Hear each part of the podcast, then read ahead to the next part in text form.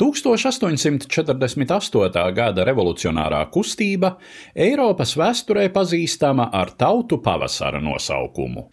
Uz savas valsts izveidi tiecās līdz tam sadrumstalotā vācu nācija, un 1848. gada maijā sanāca tā sauktais Frankfurtes parlaments, Vāciešu Nacionālais kongress. Klāt bija arī vācieši no Austrijas impērijas, un tas sevišķi akcentēja problemātisko situāciju situāciju, kādā augošā vācu nacionālisma priekšā izrādījās citas centrāla Eiropas tautas. Austrija bija veidojusies kā Habsburgu dinastijas impērija, kur vācu valoda bija valsts pārvaldes, kultūras un lietvedības valoda, taču šai valstī dzīvoja arī daudzas citas tautas, sevišķi daudz vairāku slāvu tautu piedarīgo. Kāds varēja būt šo topošo nāciju liktenis, ja Austrijas vācieši iekļautos vienotas vācu valsts izveidē. Šī jautājuma satraukti impērijas slāvu tautu pārstāvji organizēja Pirmo slāvu kongresu, kas sanāca Prāgā 1848. gada 2. jūnijā.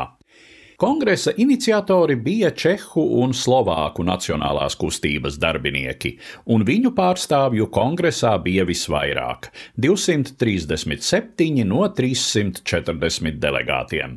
No citām Austro-Ungārijas impērijas tautām bija pārstāvēti Horvāti, Slovēņi un Serbi, kuri veidoja kongresa Dienvidslāvu sekciju ar 42 delegātiem, kā arī Galīcijas poļi un ukraiņi, tolaik dēvēti par Rusi rusīniem. Kongresa poļu rusīnu sekcijā bija 61 delegāts.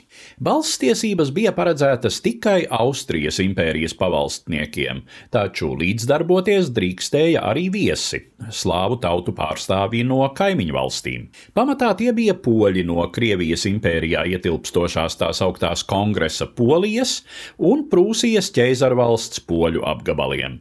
Tiek minēts, ka bijuši arī lietuviešu delegāti, taču populāri populāros avotos sīkāku ziņu trūkst, un domājams tie bijuši nevis etniski lietuvieši, bet gan poļi no kongresa polijā ietilpstošās Suvalkijas, kas attiecas uz Osmaņu impērijas dienvidslāvu tautu pārstāvjiem, bulgāriem, serbiem un citiem, viņu ierašanos nepieļāva Osmaņu vara.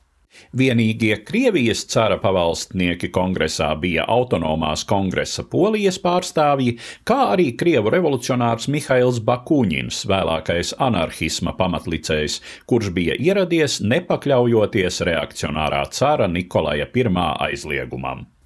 Kongresā dominēja tās augtās austroslāvisma idejas. Doma, ka Austrija jāsaglabā un jāveido kā federatīva vienlīdzīgu nāciju valsts.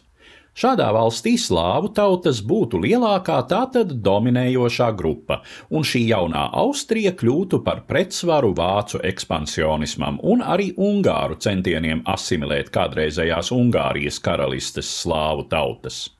Austroslāvisma idejas pauda čehu politiķis Františeks Palackis, slovāku literāts Pavels Jozefs Šafāriks, horvātu aristokrāts un Austrijas armijas feldmaršals Josips Jelāčičs. Taču netrūka arī radikālāku ideju. Kā kongresā teica slovāku dzinieks un valodnieks Ļudovīts Štūrs, Austrijai aizejot bojā, mēs bojā neaiziesim.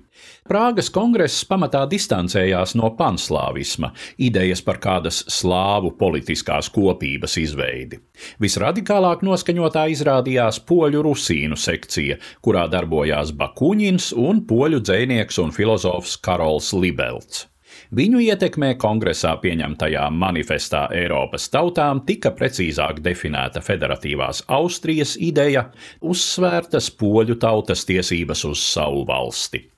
Kongresa darbs aprāvās nepabeigts, kad 12. jūnijā uzliesmoja Prāgas sacelšanās. Dienu iepriekš mītiņa laikā ar šāvienu no pūļa tika nogalināta austriešu spēku komandiera ģenerāļa Vindiša Greca sieva. Kareivji atklāja uguni, un nākamajā dienā pilsētā sākas lieties barikādes.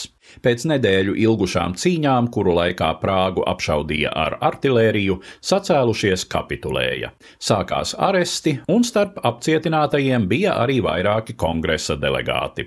Tomēr kaut aprāvies nepabeigts pirmais slāvu kongress kļuva par nozīmīgu soli Centrāla Eiropas nāciju izaugsmes un atbrīvošanās procesā.